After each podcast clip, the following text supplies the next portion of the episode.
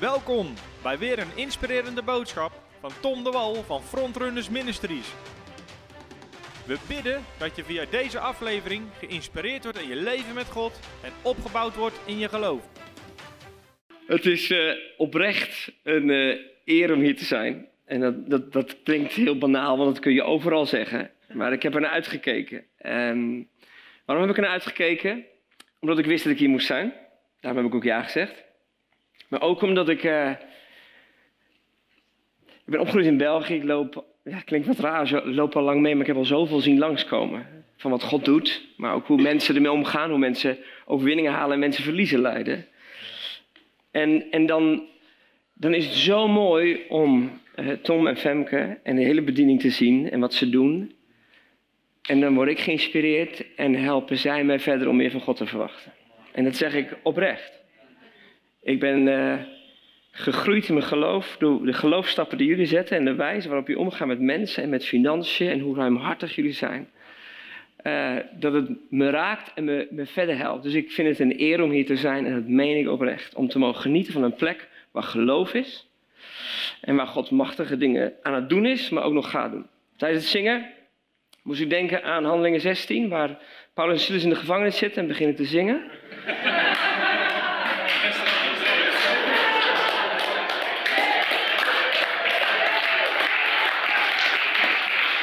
Thus says the Lord. Ja. Uh, maar het, gaat ook met de aanbidding te maken. Uh, blijven zingen, blijven zingen. Want er gaan zoveel ketenen vallen. Er gaat zoveel, zoveel gebeuren. En, en als dan die ketenen vallen in handelingen 16, dan, dan denk je, uh, nu zijn de gevangenisdeuren openen, God doet van alles en nu, nu moeten we weg. Maar ze moesten blijven. Ze bleven. En ik heb het idee dat God wil zeggen, je moet niet snel denken dat je hier weg moet van deze plek. Want God gaat iets doen. Um, die andere gevangenen die geen christen zijn, die daar gewoon toevallig bij zitten, die hun ketenen gaan ook openen, maar ze blijven allemaal zitten. Bizar hè? Allemaal gevangenen. Midden in de nacht en je denkt alles valt open, je denkt wegwezen. En ze vinden het zingen, de aanbidding mooier dan de vrijheid die is buiten de gevangenis. En dat God iets wil doen hier ook in aanbidding, in tegenwoordigheid van God, waardoor mensen hier willen zijn. En wat gebeurt er nog meer? Is dat de gevangenisbewaarder, die schrikt, want die denkt iedereen is weg en die wil zelfmoord plegen. Ja? En uiteindelijk doet hij dat niet, want Paulus legt hem het evangelie uit en hij doopt hem en zijn hele gezin. En ik denk, ik zeg het heel voorzichtig, dat God een hooggeplaatst iemand wil raken door wat hier gebeurt uit deze omgeving. Iemand die gezag heeft in dit gebied. En die op het punt zal staan in een crisis te komen in zijn leven. Dat zal niet publiek bekend zijn, maar je zult er betrokken bij raken. Of deze, dit zal betrokken raken. En God gaat die man en dat gezin redden door wat hier gebeurt. En dat zeg ik heel voorzichtig, maar ik heb het idee dat God iets heel bijzonders wil doen. Wat bekend zal worden dat door deze plek, die, dat leven, dat gezin gered is door de kracht van God. En daarom niet snel weggaan, want God heeft nog iets klaar liggen voor wat vanuit hier moet gebeuren. En dan komt er een heel sterk getuigenis los over Gods kracht. Handelingen 16. Oeh. Ik ben zelf wel benieuwd wat er gaat gebeuren.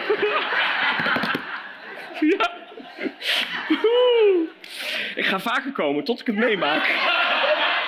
Oh, oh nee, stil, ik heb weer dingen beloofd. Ja, nou goed. De meesten kennen mijn naam, Marten. Getrouwd met Karen. We hebben twee dochters. We wonen in Veenendaal. Oorspronkelijk kom ik uit België als zoon van zendelingen. En uh, na een hele lange reis, tien jaar geleden, de bediening van Remission opgezet. En ja, tien jaar geleden geen idee gehad dat ik hier zou staan en dat God ons dit allemaal zou toevertrouwen. En tegelijk, het doel is niet Royal Mission, het doel is de koning en zijn koninkrijk. In al die veelkleurigheid, in al die verscheidenheid. En ik moet doen wat ik moet doen. En wij moeten doen wat God ons toevertrouwt. En daarom altijd respect voor al die andere dingen. Want God is veel meer dan wat ik ooit kan dragen of bevatten. En wat jij ook kunt bevatten. Dus laten we elkaar versterken. En daarom zijn zulke plekken zo mooi waar je elkaar verbindt. Nou, je mag je Bijbel overslaan in Marcus 9. Dan ga ik het lezen. En voordat ik dat doe, moet ik toch even iets vertellen over prachtige boeken. Uh, Wonderen van het Koninkrijk. Ik zeg er trouwens altijd bij, en dan meen ik, we hebben daar een pinapparaat en al die dingen, maar als je het niet kunt betalen, geef het weg. Ik geef elk weekend geef boeken weg, want de inhoud is belangrijker dan het geld. Maar als je wel kunt betalen, ben je gewoon de klos. Ja?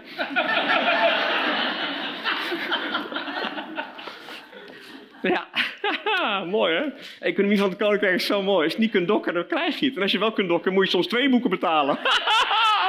dan zegt hij dat tegen jou. Jij moet er twee doen.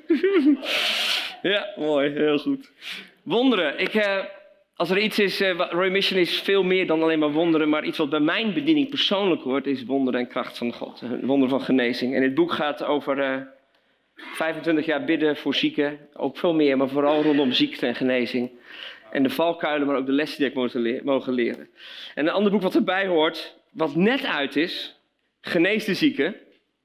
Uh, wie heeft meegedaan aan de poll die we op internet hadden over de cover van het boek? Steek even vinger op. Oh, 30.000 mensen hebben ernaar gekeken. Ja, we hadden drie covers van het boek en we hebben geluisterd naar de meerderheid. En die hadden hiervoor gekozen met een paar aanpassingen. En de tweede keus was deze, die hebben we achterop gezet. maar het is een prachtig boek. Vorig jaar uh, deed ik voor de tweede keer de geneesdienst bij de opwekkingconferentie. Volgende week mag ik die weer doen. En toen daarna had opwekking gevraagd aan mij om, om een Q&A te doen, vraag en antwoord met een arts. En we hebben Gork Katsikian is een hoogopgeleide arts. Uh, binnen, is in het laatste jaar van spoedeisende hulparts. En samen hebben we vragen beantwoord, medisch, theologisch, over wat gebeurt er bij genezingsdienst. Wanneer bid je voor genezing en wanneer moet je gewoon naar de dokter? Of wanneer werken die twee samen? Of is Alzheimer nou een boze geest of is het nou medisch of is het allebei? Nou, al die vragen hebben we elkaar in een boek gezet en gewoon een Q&A, vragen over genezing, genezingsdiensten en al dat soort dingen. En er is enorm veel vragen, maar vorig jaar merkten we dat God dat zo zegende. Respect, want een arts die vecht tegen ziekte, werkt mee aan het koninkrijk van God. Ja? Hij heeft het niet eens door dat hij werkt aan het koninkrijk van God. Wat, koninkrijk, wat is koninkrijk van God? Dat is herstel van alle dingen. Ja, als je uit wil leggen wat is koninkrijk van God, God wil alles herstellen. En daarom, als wij deel zijn van het koninkrijk van God, zijn wij herstellers. Herbouwers van muren, herstellers van bressen. Zo worden we genoemd. Dus waar ik kom, moet ik niet een voltje door de briefbus duwen. Zo, ik heb geëvangeliseerd, afgevinkt, klaar. Nog drie dingen, ik heb kwartet en dan ben ik gered. Zo, hè? Eh, maar zo denken we soms. Evangelisatie is dan een projectje en ik heb het weer gedaan. En uh, ik weet nog wel, vroeger gingen we ook folderen voor een campagne. En dan deed ik liefst de appartementsgebouwen. Zo, zoveel mensen bereikt. Ja. Maar er zat nul liefde in en eigenlijk nul bewogenheid om iets te herstellen. Want het koninkrijk is niet, jij moet tot bekering komen. Het koninkrijk is, wat is jouw nood en ik zal meehelpen om het op te lossen.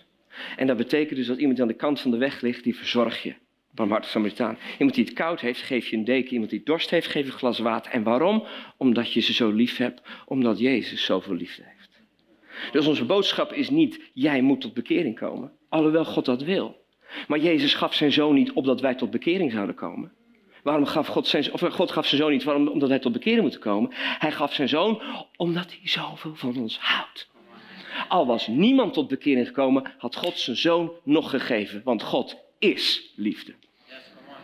Dus wat zijn wij? Brengers van liefde. En natuurlijk, die liefde is zulk soort liefde op deze wereld niet te koop. En dan komen mensen, niet, kunnen niet anders dan bij God uitkomen. Nou, dat is een heel andere preek, maar die heb je ook al gehad. Ja, nou, die boeken liggen achterin. Marcus 9, daar gaan we nu naar de echte preek toe. Ja, als ik over het koninkrijk begin, dan kan je een hele conferentie vullen. Marcus 9, vers 14. Toen ze terugkwamen bij de andere leerlingen heb trouwens ook van Tom geen enkele eindtijd meegekregen. Dus ik kan heel lang doorgaan. Paulus deed ook de hele nacht. Toen viel er iemand in slaap en die viel uit het raam. En toen hebben ze hem opgewekt uit de dood. Dus. Ik zou zeggen, laat iemand in het raam gaan zitten. Dan, uh... Goed, Marcus 9, vers 14. NWV. Toen ze terugkwamen bij de andere leerlingen. En ze is Jezus met drie discipelen. Zagen ze een grote menigte om hen heen staan. En hen is een vader en een zoon. Een zoon die, die eigenlijk uh, uh, epilepsie heeft, maanziek is. Er kwamen ook schriftgeleerden bij die met hen aan het discussiëren waren. De mensen waren verbaasd toen ze hem zagen en ze liepen meteen naar hem toe om hem te begroeten. Hij vroeg hun, waarover zijn jullie met hen aan het discussiëren?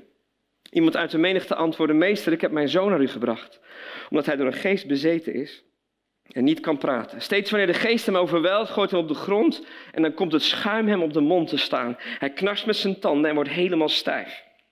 Ik zei tegen uw leerling dat ze moesten uitdrijven, maar dat konden ze niet. Hij zei tegen hem, wat zijn u toch een ongelovig volk. Hoe lang moet ik nog bij jullie blijven? Hoe lang moet ik jullie nog verdragen? Breng hem bij mij. Tot zover. Lief hè, die Jezus. Greater power, meer kracht. Wie wil meer kracht van God? Weet wat je zegt, hè? Ja, maar meen ik echt. Het gaat niet alleen om de ervaring. En God wil meer kracht geven. Weet je, eh, ik heb er nog een boek geschreven, dat komt pas maandag uit. dat is dus uh, overmorgen, dat is waar, ja. maar, en dat het boek heet Groeien in Geestkracht. Hoe komt er meer kracht van de geest op je leven? En ik leg heel veel dingen uit over hoe er meer kracht van de geest op je leven komt. Maar ik leg ook uit dat als er geen karakter is om dat kracht te dragen, is het een schande voor het koninkrijk. Ik heb letterlijk die zin in het boek staan. Kracht zonder karakter is een schande voor het koninkrijk. En waarom is het goed om over kracht te spreken, maar ook over karakter? Kracht kan in één minuut komen.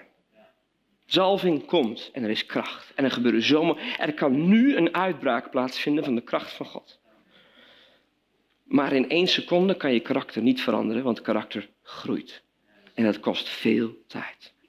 Dus een van mijn gebeden al een paar maanden is: Heer, laat mijn karakter zo snel groeien dat ik de kracht kan dragen die u mij wil geven. Want ik wil meer kracht. Dus je zegt: Wie wil meer kracht? Ja, zeg je eigenlijk, zeg eigenlijk tegen God: Verander mijn karakter. Oké, wie wil meer kracht? Oeh, weet wat je zegt. Wie wil meer geduld? Ja? Wie wil het nu? Ja, stel het je, stel ongeduldig, hè? Heerlijk, hè? Oh, wat kan je van genieten. Goed. het leven met Jezus is echt mooi, hoor. Marcus 9. We zijn het verhaal hiervoor, dit verhaal Maanzieke knaap. Ik ga trouwens hier altijd naspreken, want ik vind zo'n ding altijd in de weg staan. Dus mag ik dat... Uh... Ik breek hem niet af, ik zet hem gewoon lief weg. Ja? Maanzieke knaap.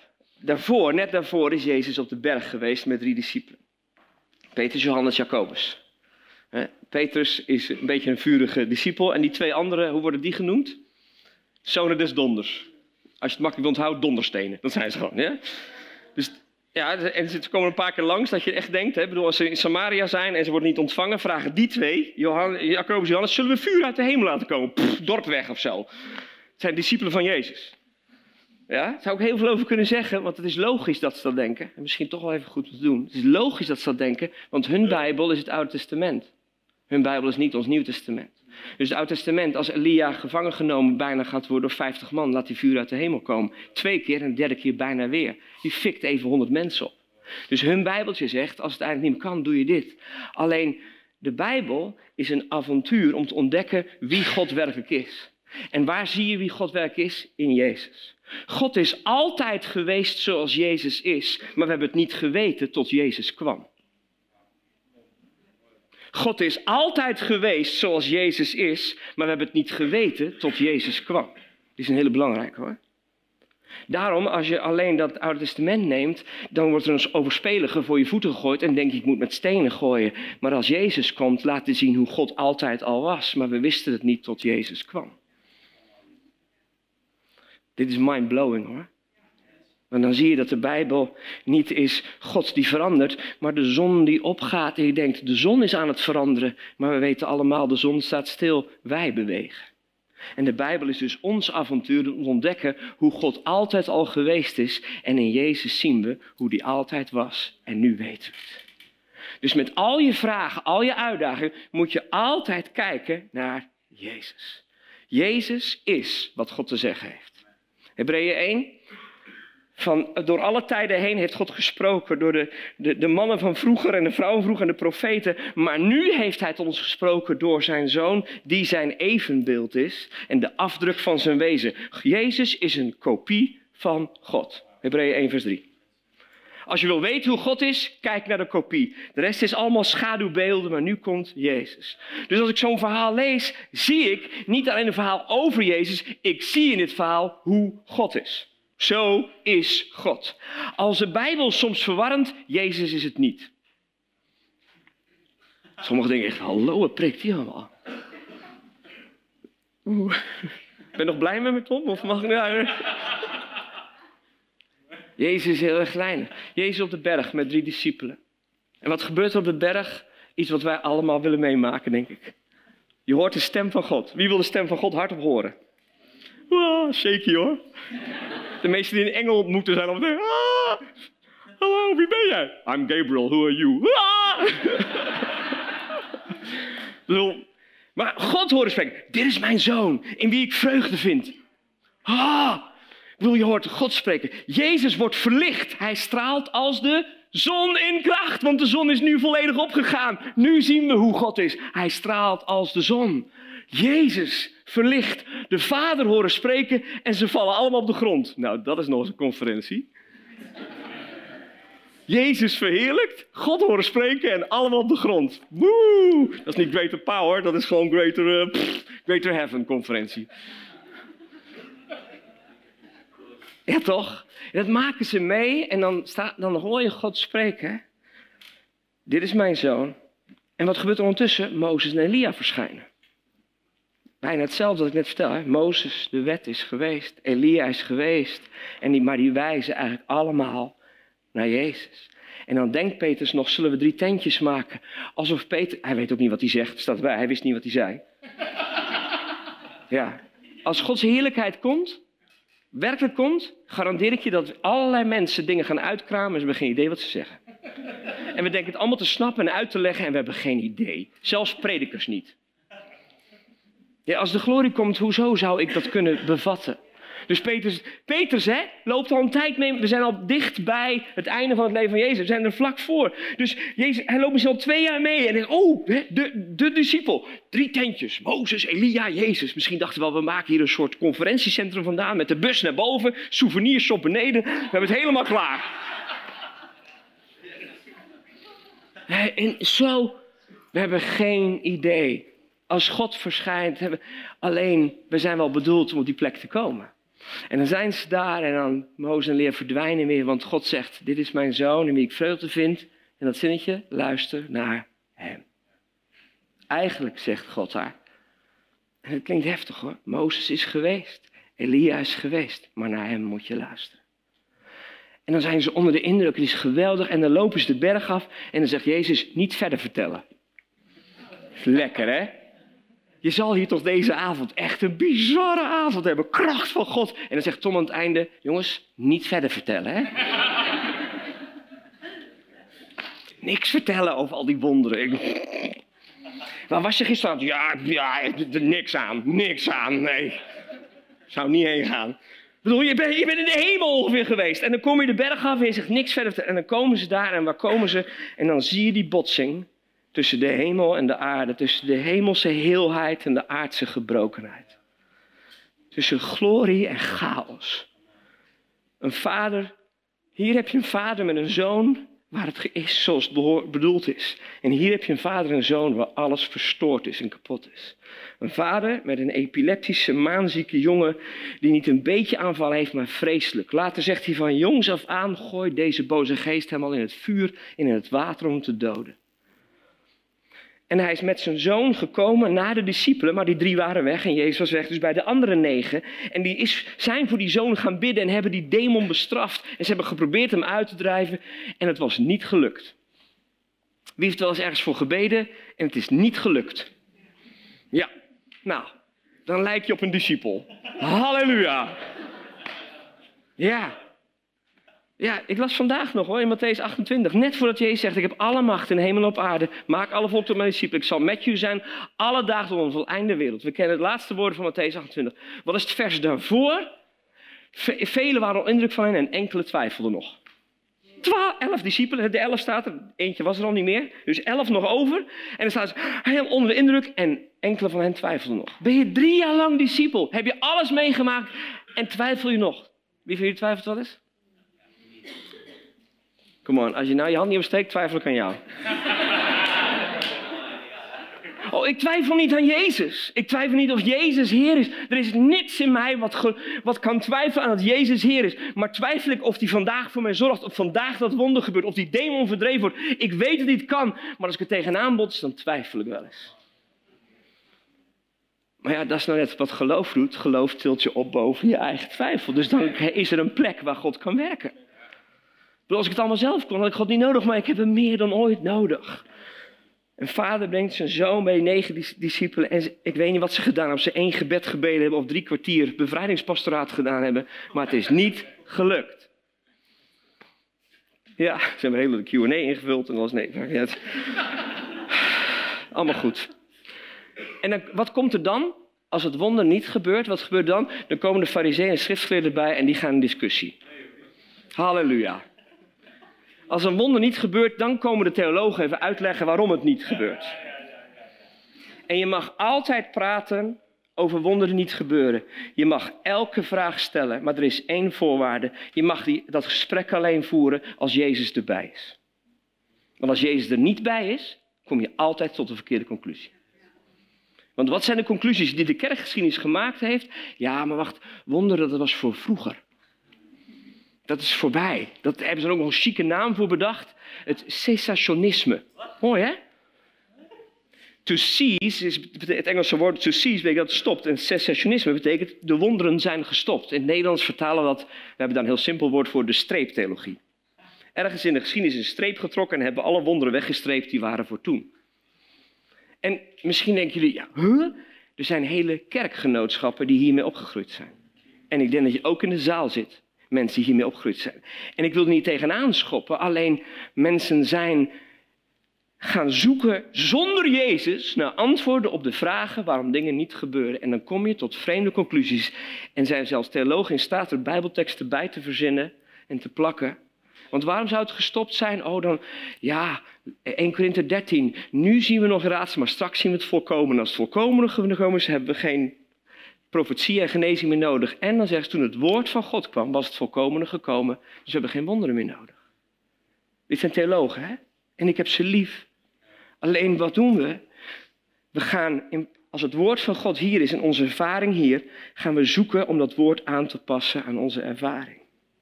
En zoeken we de Bijbeltekst om uit te leggen waarom het niet gebeurt. Maar waar we op zoek naar moeten, is welke Bijbeltekst hebben we nodig, zodat onze ervaring gaat veranderen en we gaan ervaren wat God beloofd heeft. Ja, maar je moet wel je kruis dragen. Ja, dat moeten we zeker. Maar Lucas 9, vers 23 gaat echt niet over dat als je ziek bent, dat dat je kruis is. Lucas 9, vers 23 gaat over als je achter mij aan wil komen, zul je jezelf moeten verloochenen en elke dag je kruis opnemen en mij volgen. Waar gaat het over? Je kruisdragen gaat altijd over discipelschap. Dat is iets wat je, waar je zelf voor kiest. Als je achter Jezus aan wil, dan moet je jezelf verloochenen. Wat betekent dat? Dat betekent niet als je je vraagt hoe heet je, dat je zegt ik heb geen idee. Nee, dat is niet jezelf verloochenen. jezelf verloochenen betekent dat al die verlangens die je hebt, waarvan God ook weet dat je die hebt, dat je zegt daar reageer ik niet op. En hoe minder je op reageert, hoe zwakker die gevoelens worden. Ja. En je verloogt jezelf en je neemt je kruis op. En je kruis opnemen is achter Jezus aangaan. En de gevolgen die dat heeft. Het leed dat mensen jou niet meer mogen. Dat mensen dingen van je vinden. Dat je, uiteindelijk je geld gaat weggeven terwijl je het wil houden. Terwijl je misschien kleiner of anders groter gaat wonen. Of een ander land gaat. Moet een ander land weer? Kruis opnemen omdat je achter Jezus aangaat.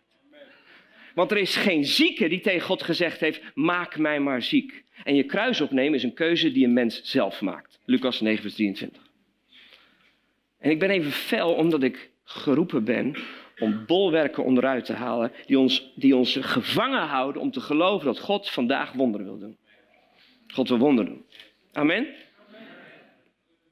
Maar de discussie. Oh, je mag best discussiëren. Ik discussieer ook veel. Ik heb met Gor heel wat discussies gehad. En goede discussies. Alleen we begonnen en we eindigden altijd bij Jezus. Want Jezus laat zien wie God is. Altijd. En dan komt Jezus en dan, dan zegt Jezus bijna gefrustreerd, breng hem bij me. Wil Jezus lief, maar Jezus is ook echt fel hoor. En hij is bijna gefrustreerd. Hoe kan het nou dat jullie dit niet kunnen? En eigenlijk nodigt Jezus jou en mij discipelen. Wie is een discipel van Jezus?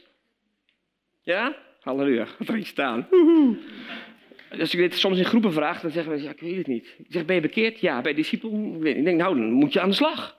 Want een discipel is iemand die tot, die tot bekering is gekomen, maar nu in de voetsporen van Jezus wil gaan lopen. Met vallen en opstaan, maar onderweg is. Als je zegt, ik ben bekeerd, maar ben geen discipel, ben je eigenlijk bekeerd en blijven staan. Ja? Bekeren is omdraaien, dus je hebt je omgedraaid en toen heb je gezegd, dag Jezus. Je bent niet gevolgd. Dat is eigenlijk wat je gedaan hebt. Bekeren is je omkeren en dan word je een discipel. En een discipel is een leerling, een volgeling. Dus je moet volgen. Toch? En leren en veranderen. Onderweg zijn, niet stil blijven staan. Als jij nu nog bent zoals je twee jaar geleden was, dan heb je de boot gemist afgelopen twee jaar. En dan wordt het tijd om in beweging te komen. Dan word je een frontrunner. Oeh, cool hè?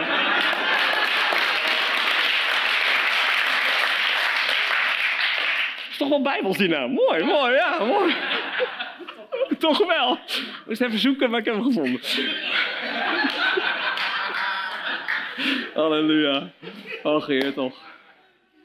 Nou goed, breng hem bij me. Jezus is best fel tegen discipelen die moeite hebben om te vertrouwen. Oh, Jezus veroordeelt je niet. Waar is Jezus fel tegen? Dat hij zo graag wil dat we groeien. Toch? Want Jezus zegt niet, jou ben je niet meer bekeerd, nou, nou lig je eruit. Ik, bedoel, ik ben niet gerechtvaardigd omdat ik het goed doe, ik ben gerechtvaardigd omdat God goed is. Daar ben ik gerechtvaardigd, dat is wat ik ben. Dus, en doordat ik vandaag iets stoms heb gedaan, val ik niet ineens uit de genade van God. Goh, e- één keer stom gedaan, plop, eruit. Dan zou de liefde wel heel beperkt zijn. Ik ben altijd geliefd, ik ben altijd gewenst en God wil mij altijd zegenen. Alleen door goede keuzes te maken kan Hij mij meer zegenen. Door goede keuzes te maken kan ik sneller groeien door die weg te gaan. En daar, kom op, zet nou die goede stappen zodat je die groei gaat doormaken. Dat is de, uit, de felle uitnodiging van Jezus. Leer het nou. En dan brengt die vader die zoon bij hem. En dan komt hij en die zoon die komt, wordt gebracht en die valt acuut op de grond. En dan staat er dat hij lag te rollen en te schuimbekken en knarsetanden. Ja. ja. Het is wat. Ja, dan denk je toch ook, moet dat nu? Hè? Lekker spontaan, man. Heerlijk.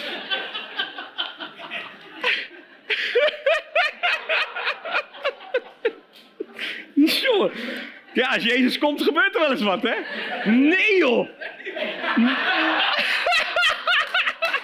Wat wordt dat nu? Ja, nou ja, goed. Deze onthoud ik, die is fantastisch. Nee, joh.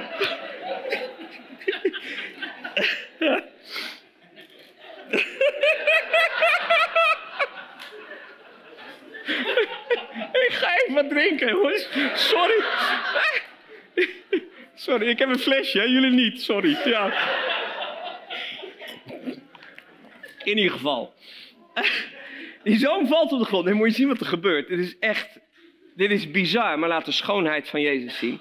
jongen valt op de grond, begint te rollen en te schuimbekken. Knarsetanden. Ik weet niet wat er zou gebeuren in jouw kerk of op deze conferentie als dat zou gebeuren. Of als het, je zou denken, de meeste kerken zouden denken, waar zijn de emmers water? Of waar is het EHBO? Of het ministry team? Of het uitsleurteam, ik weet niet hoe je het noemt, maar... Sorry hoor. Nou, ik, ik hou van prikken, hè. Waarom? Omdat we allemaal manieren bedacht hebben om niet de confrontatie aan te gaan. We hebben manieren om het te sussen. En tuurlijk, het is soms wijs om iets in een andere kamer te doen, omdat het kan afleiden. Want er staat, zodra de mensenmassa toestroomde, spreekt Jezus de demon aan. Want de aandacht van de massa mag niet bij demonie zijn, de aandacht van de massa moet bij Jezus zijn. Altijd. Amen. Ja, dat mag wel klappen, dat is Jezus. Maar je moet wel goed lezen. Want het moment dat het gebeurt en die jongen daar ligt te rollen, dan zou je denken, paniek, paniek en mijn water is. En Jezus, weet je wat Jezus doet? Hij vraagt aan die vader, hoe lang heeft hij dat nou al? dat is wat hij vraagt. Waarom? Omdat liefde altijd vooruit gaat op kracht. Liefde is belangrijker dan kracht. Oh, God wil krachtige dingen doen, maar hij wordt eerst met ontferming bewogen. Voordat je aangeraakt wordt in je lichaam, word je vaak eerst geraakt in je ziel en in je gevoel en het weten dat God van je houdt. Ik heb deze week een interview gedaan met Jan en Dora. Dat zijn mensen van in de 60. Ik heb een filmpje gemaakt dat we volgende week bij opwekking laten zien. Ze waren op 25 november bij ons in de Wonderlijke Zondag. We hebben Royal Mission één keer per maand een Wonderlijke Zondag in Veenendaal. Die heb ik morgenavond. En één keer de maand ergens in een kerk. En toevallig was het in november in Ede, vlak bij ons. En God had me een openbaring gegeven. Ik zag, hij liet me een röntgenfotootje zien van twee wervels die of gegroeid waren of ze zaten aan elkaar vast. Maar ik zag twee wervels in een röntgenfotootje. En ik had gepreekt en zei ik, nou mensen, ik wil verdelen wat ik denk wat God me heeft laten zien. Ik zei, ik denk dat er een man of vrouw is, waren 400 mensen ongeveer, waarbij twee wervels of aan elkaar vergroeid zijn of aan elkaar gezet zijn. En niemand reageerde. Maar ik, ik had het plaatje zo duidelijk gezien dat ik zei, terwijl vroeg nog als Heer, geef me lef. En zei ik, ik weet zeker dat hij er is en ik denk dat God zegt dat het een man is. En nog reageerde niemand. En zei wil je dan alsjeblieft je hand opsteken dat ik weet dat je er bent? Jan en Dora zaten in de zaal. Jan is in de 60, heeft 33 jaar geleden een operatie gehad waar twee wervels aan elkaar gezet zijn met twee metalen pinnen. Hij zat in de zaal en toen ik het de eerste keer zei, tikte zijn vrouw me aan. Dat ben jij Jan. En Jan zei, dat zal iemand anders zijn. ja, ze hebben allemaal pinnen in hun rug hier. Een tweede keer herhaal ik het en zeg het is een man. Omdat ik gewoon, ja, ik, eigenlijk had ik wel weer dat God tegen me gezegd had, maar dan moet je ook weer geloven, hè? Geloofstap. Geloven, oké, het is een man. En dan, Dora, Jan, jij bent een man. Als ik dat had gezegd, had ik gezegd, dat is nog eens een openbaring. Maar goed, dat is, uh, hè? Maar goed, toen zei ik, wil je alsjeblieft je hand opsteken. En deze week, wat ik niet wist, ik had Jan al eerder gesproken, maar nu had het filmpje gemaakt, zei hij, en toen nam God mijn hand en deed mijn hand omhoog. Want hij wilde niet. En Jan kwam naar voren, blijkt achteraf, 33 jaar geleden, twee wervels aan elkaar gezet. Negen maanden op bed gelegen met gips van hier tot hier. Heeft uiteindelijk tijden. Nee joh, dus niet geloven.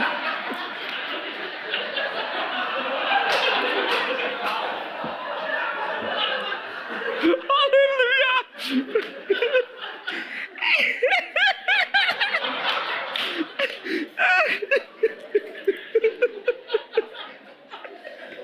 Ik denk dat we het thema gaan veranderen vanavond.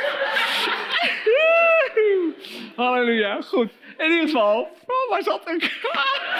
Oh, gips, tijd in de rolstoel gezeten, 33 jaar lang slikte op pijnstillers. Ik zag nu, had ik eerder niet gezien, dat hij, had orthopedische schoenen, dat wist ik, maar hij had één schoen die zo groot is en één die zo groot is, met een hele steun, met zo'n zool erin, want zijn hele bekken stond scheef en zijn enkel had geen kracht meer, die moest ondersteund worden. Maar hij stond voor me. Gelukkig zag ik het allemaal niet. Ik had alleen een röntgenfoto gezien en hij stond voor me. Ik zeg, heb je iets aan je wervels? Ja, dat was het. Ik denk, oké. Ik bid voor hem, ik loop heen en weer. Ik vraag, ik kom weer terug. Ik zeg, hoe is het nu? Precies hetzelfde. Maar gelukkig, als, als je gaat wandelen met Jezus, gaat je geloof groeien. En twijfel ik vaak, ja. Komt er dat iemand voor me staat en denk, heer, dit is zo'n berg. Ja. Alleen dat zijn de momenten dat God iets doet. En ik wist, al is de hele wereld tegen, God is voor. Ik zei, dan ga ik nog een keer voor je bidden. Ik bid voor hem, hij loopt heen en weer. Ik zeg, hoe is het nu? Hij buigt. En hij vertelde gisteren, toen je het nog een keer vroeg, toen sprak God tot mijn hart. Jan, laat nou je angst los. Laat nou je pijn los. En toen besloot hij, net voordat ik de tweede keer ging bidden, hier is mijn angst, hier is mijn pijn. En ik bid voor hem, loop heen en weer, hij buigt.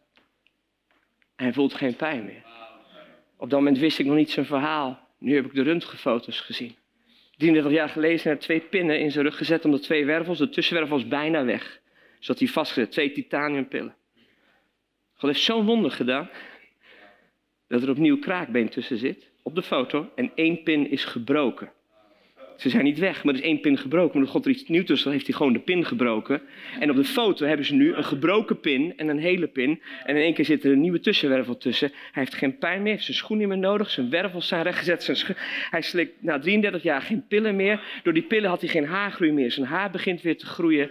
Alles begint, zijn artrose is weg. Zijn hele verhaal. Het is bizar. Hij wandelt, hij loopt, hij doet alles. Jezus! God. Woe! En niet ver weg en niet lang geleden in Nederland, niet lang geleden, hier en nu. God doet het. En een metalen pinnetje, al is het titanium, klik, doet God hoor. En jongen valt op de grond. Maar het begon met liefde. God doet het altijd, ook met mij. Als ik dan sta te bidden, doet God iets met mij. Ik ben een enorme janker. Maar God maakt er flink gebruik van. Kraan open. Dan gaat het. Maar ik kan echt zeggen dat mijn hart groter geworden is. Is er meer kracht gekomen. Echt waar. En, en zodra de massa toestroomt, grijpt God in, want demonie verdient niet de aandacht. En zegt jij, dove en stomme geest. Hij spreekt een stomme geest, want die jongen kon ook niet praten. Drijft hij uit en de jongen wordt gezond. En dan staat er in Lucas zo'n prachtig zinnetje aan het einde van dit verhaal. En allen waren met stomheid geslagen. cool hè? Einde discussie. De jongen praat. Mond hou allemaal. De jongen praat weer en de discussie is beëindigd. Want wonderen en kracht van God en liefde van God maakt een einde aan de discussie. En we mogen discussiëren als Jezus er maar bij is. We mogen vragen hebben als Jezus er maar bij is. En als we maar steeds naar Jezus kijken en beseffen, God is altijd geweest zoals Jezus is. Alleen hebben we het niet geweten tot Jezus kwam. Zo is God altijd geweest. Maar in Jezus zie hoe Hij is en willen we zo leven. En waarom vertel ik het verhaal? Vanwege de kracht van God, maar ook de berg en het dal. Weet je, dit soort conferenties zijn plekken waar je op de berg meegenomen wordt. Je wordt geholpen door een band om God te aanbidden. Je wordt geholpen door met anderen op die plek te zijn waar je God ervaart. En, en dat is goed. En je moet de berg af en een botsing aangaan met gebrokenheid. Want anders blijven we alleen maar een beetje rondcirkelen op de berg en hebben we er dus ook een soort attractiepark van gemaakt. En tegelijk, als je alleen maar rondloopt in de gebrokenheid en vergeet om de berg op te gaan, heb je geen antwoord op de gebrokenheid. Want het antwoord vind je hier en hier moet je het geven. En daarom hebben we het nodig dat we de berg op gaan. Hebben we het nodig dat je op deze plekken bent. Ik heb het ook nodig. Ik kan het niet alleen maar redden thuis. Ik heb anderen nodig. Ik heb plekken nodig. Ik ga ook naar conferenties, naar mensen toe die mij de handen opleggen. Opdat ik vol ben van de Heer. Maar daarmee moet ik de gebrokenheid in. Want we zijn allemaal herstellers. Allemaal. God herstelt door jou, je buren, je vrienden, collega's. Je herstelt door iets op te ruimen door iets weg te zetten. En je toont onvoorwaardelijke liefde. Niet als jij tot bekeren komt, zal ik, want dan is het een project. God werkt niet in projecten, God werkt met mensen. Ik zal van je houden. Want als je mij een klap hier geeft, mag je er hier nog een geven. Als ik een mijl moet gaan, ga ik er nog een. Waarom? Omdat ik van je hou. Niet omdat ik iets voor je doe, jij iets terug voor me. Het koninkrijk van God is onvoorwaardelijk geven. Zo is God en zo wil Hij in ons werken. Maar hoe kan je dat in een wereld waar iedereen met hebben, hebben en ik is bezig? Je moet de berg op, de berg op, de berg op, de berg op. Tot je Jezus ziet, verheerlijkt. God hoort spreken. Op de grond valt in, ont, ontzag voor Hem. Hoe, hoe meer ik op de grond God aanbid, hoe meer ik het gevoel heb dat ik Zijn kracht en zegen ervaar. En heb je zin om daar te blijven. En dat is goed. Alleen je moet niet altijd blijven, want uiteindelijk word je gezonden om herstel te brengen. Maar de andere kant, er zijn heel veel mensen die alleen maar in de troep leven. En dan word je wereldgelijkvormig. Oh, je wordt niet meteen een zondaar, maar je gaat denken op de manier van de wereld. En je gaat discussiëren zonder Jezus. En discussiëren zonder Jezus brengt je op de verkeerde conclusies. Je moet terug de berg op en denken, Heer, alles is mogelijk. Alles is mogelijk voor degene die gelooft. Want die vader zegt nog, als u iets kunt doen. Net voor dat wonder als u iets kunt doen, hier is die. Jezus zegt, als ik iets kan doen. En dan zou je denken dat Jezus zegt, als ik iets kan doen, alles is mogelijk voor mij. Maar dat zegt hij niet. Hij zegt, alles is mogelijk voor degene die gelooft. Degene die gelooft. En dan reageert die man, ik geloof, kom aan ongeloof te hulp. Vroeger vond ik dat een moeilijk zinnetje. dacht ik, wat is nou voor zin? Ik geloof, kom aan ongeloof te hulp. Geloof je nou of geloof je nou niet? Toch? Ik heb lang gedacht dat dit de Greater Faith conferentie was, maar het was beter power. Maar ik wil toch iets over geloof zeggen. Maar ik geloof, die was zeggen, ik geloof, kom aan ongeloof te hulp. En in wezen is hij daarmee echt mens, net zoals jij en ik. Wie gelooft dat God wonderen kan doen?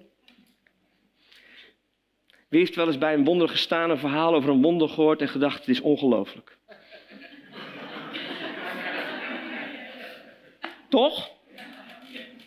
Ik geloof, ja. Kom aan ongeloof te hulp, ja. Ik geloof. Soms sta ik op een plek en ik weet, nu gaat het gebeuren. En dan kom ik er doorheen en de volgende bid ik, de volgende bid ik voor. denk Heer, er moet wel heel veel gebeuren. Ik weet dat u het kan, maar ik voel het niet. Ik ervaar het niet.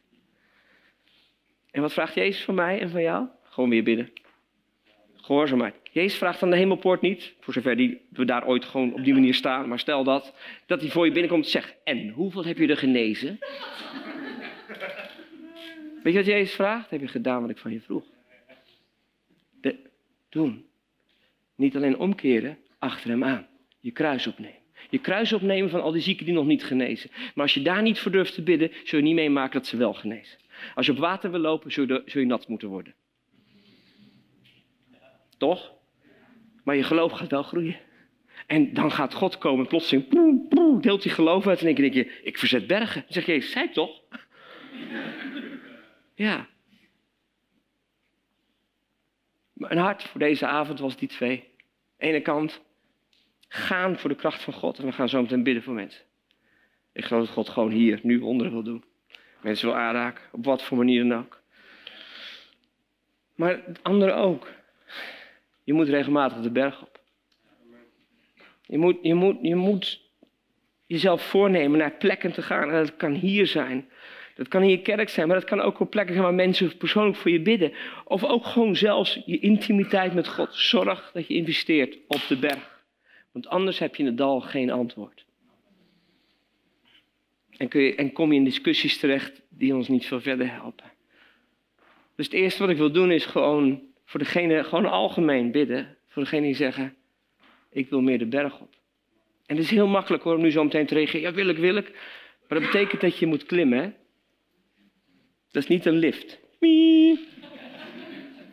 Dus dat betekent dat je moet klimmen achter Jezus aan en daar zijn. En dan kun je onder de indruk raken, maar het kost even tijd. De eerste tien minuten dat ik mijn Bijbel lees, word ik soms niet geraakt. En de elfde minuut spreekt God. Maar als ik na vijf was gestopt, had God niet gesproken. Is dat omdat God niet wil spreken? Nee, hij wil me eerst de berg op hebben. Maar bij ons, we zijn allemaal uh, McDonald's christenen. Hè? kan ik hier bestellen? Eén aanraking, één genezing en één ervaring. U mag afrekenen bij het eerste kantoortje, ja. En God wil al die ervaringen geven. Ik heb de meest maffe ervaringen gehad in mijn leven de laatste twee, drie jaar met God. Echt. Apart. Dat komt ook in het boek, omdat het zo indrukwekkend is. Maar de kern wat eronder zat, is dat God mijn hart veranderd heeft. Ik ben een ander mens geworden de laatste paar jaar. En ik, ben nog, en ik wil nog veel meer veranderen. Maar God is zo bezig. En daarmee, nou kom ik heel terug naar mijn hart, doordat God me zoveel veranderd heeft, mag ik meer antwoorden geven in de gebrokenheid. En daarom maak ik de laatste twee, drie jaar meer en grotere wonderen mee dan ooit ervoor. En niet alleen financieel, 1,4 miljoen voor een pand. Het is mijn geld. Het zijn mijn bakstenen. Maar het is wel, uh, oh nee, oh, sorry, dat zei je toch al, nee toch, dat was het. Nee toch. Nee joh, dat is het. Dat ga ik in mijn nieuwe bijbelvertaling erbij zetten. Bij elk wonder, nee joh. De blinde kon zien, nee joh.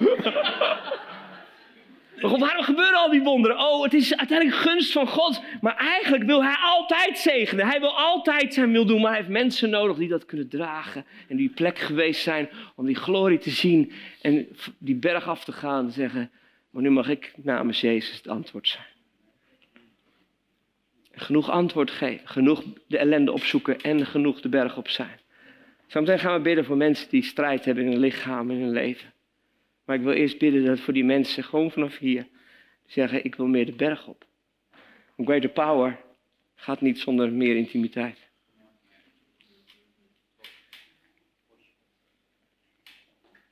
Zullen we moment onze ogen sluiten? Gewoon, dat je gewoon even je hart ook gewoon kan onderzoeken.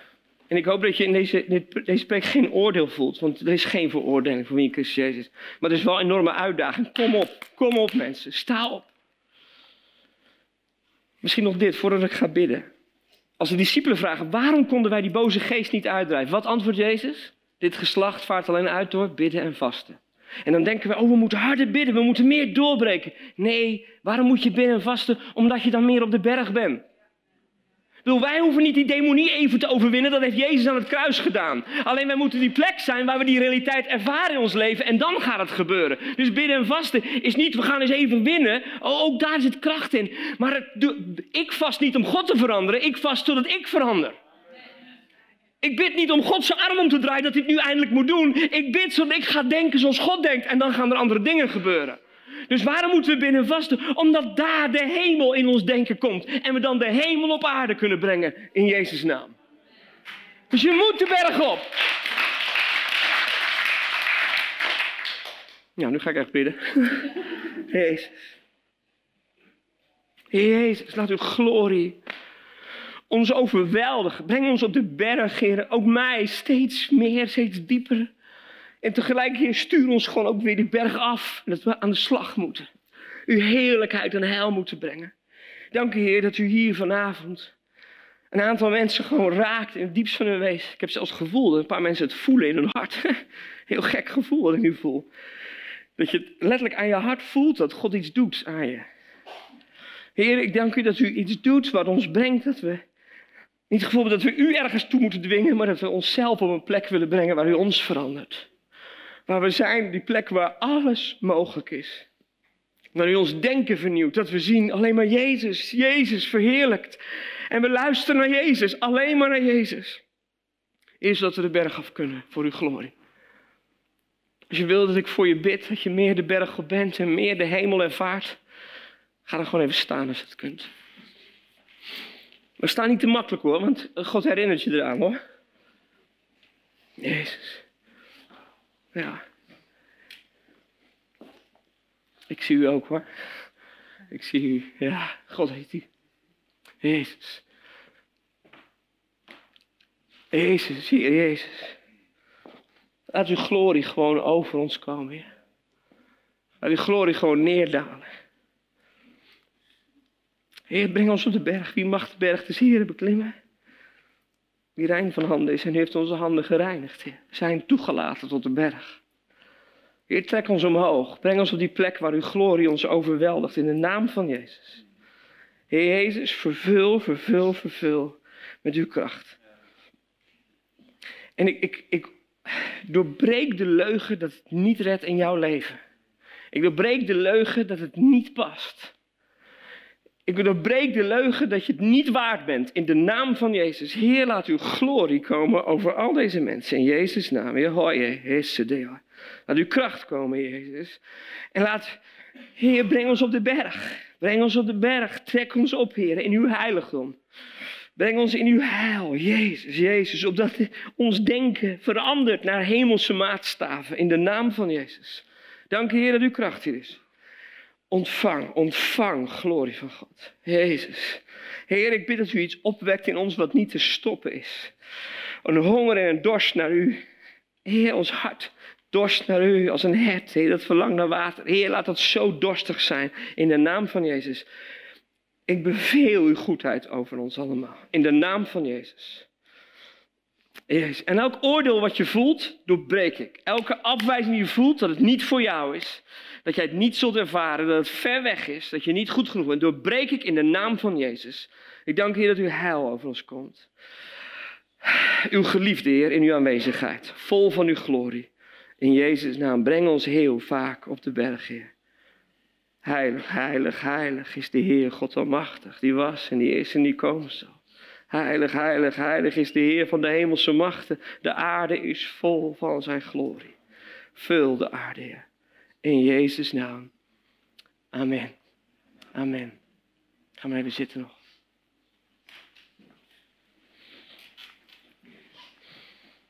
Jezus, Jezus. De berg op.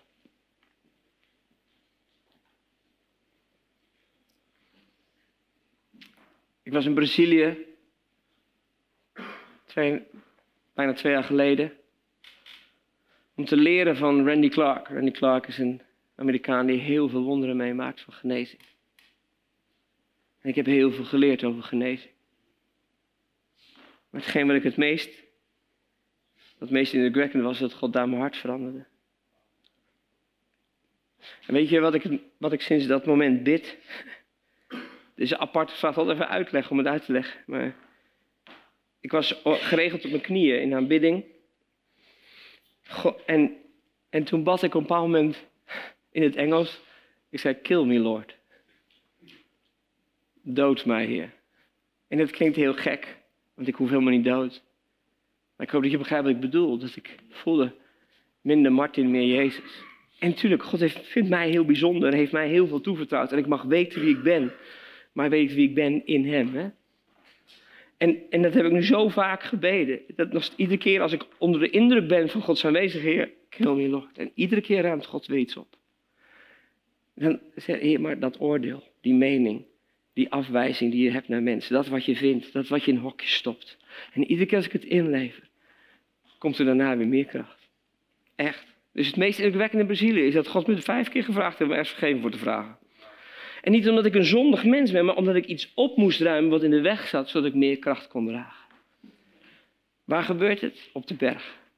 Maar in Brazilië heb ik ook meegemaakt dat een vrouw met een tumor in de wervels genezen werd onder mijn handen door een woord van kennis. In Brazilië heb ik voor het eerst meegemaakt dat een vrouw met twaalf schroeven en twee metalen plaatjes in de nek en rug genezen werd onder mijn handen. En de volgende dag met de foto's daar stond wat ze allemaal niet kon en wat ze allemaal wel kon ineens. En na vier operaties. Het is zelfs op film vastgelegd en ik heb het filmpje. God gaf me de grootste wonderen de plekken waar ik het diepst ging. God wil wel. Dat is een van mijn uitspraken. God wil wel. God wil wel. Ja. God wil ook vanavond. Want als je hier zit met dingen die gewoon niet in orde zijn. En dat kan op allerlei vlakken zijn. Ik bid heel vaak voor lichamelijke genezing, omdat God me daar passie en roeping voor gegeven heeft. Maar het kan eens goed zijn dat het in je hoofd zit, in je denken. Het kan ook zitten dat het in relaties zit, in je huwelijk en in je gezin, in je onderneming. Het kan op alle plekken zijn waar je strijd of verliezen leidt. Maar ik geloof dat God dingen heel wil maken. Toch? Alles is mogelijk voor degene die gelooft. We hebben niet altijd geweten hoe God is, maar Hij was altijd zoals Jezus is. Altijd al. En als je Jezus gezien hebt, heb je de Vader gezien. Vader, ik bid u dat u gewoon deze ruimte vervult. Misschien kunnen we gewoon zo meteen een lied zingen, als dat lukt. En gewoon samen God aanbidden. En in die tegenwoordigheid, in die hemelse ervaring. Gewoon met elkaar ook de ogen richten op wat gebroken is. Zodat er hier vanavond herstel komt. En we samen God zullen aanbidden en we bijna met stomheid geslagen zijn, Heer. Omdat uw glorie gezien wordt. Heer, doe dat in ons midden. In Jezus' naam. Amen. Yes. We gaan een lied zingen. En daarna gaan we verwachten dat God hè, een aantal mensen krachtig aanraakt. Ik heb er zin in. Hallo, Tom de Wol hier en bedankt dat je weer geluisterd hebt naar onze podcast. Ik bid dat het je geloof gebouwd heeft en je bemoedigd bent. Als je niet alleen een luisteraar van onze boodschap wil zijn, maar ook een verspreider daarvan, wil ik je uitnodigen om partner te worden van Frontrunners. Door jouw maandelijkse donatie help je ons om dit evangelie van Jezus Christus en het woord van God over heel de aarde te brengen. Om partner te worden, ga naar www.frontrunnersministries.nl slash partners en word partner. Hartelijk bedankt en tot snel. Heb je ook zo genoten van deze inspirerende boodschap van Tom de Wal? Abonneer je dan op deze podcast. Volg ons op Facebook en op Instagram en kijk op onze website frontrunnersministries.nl.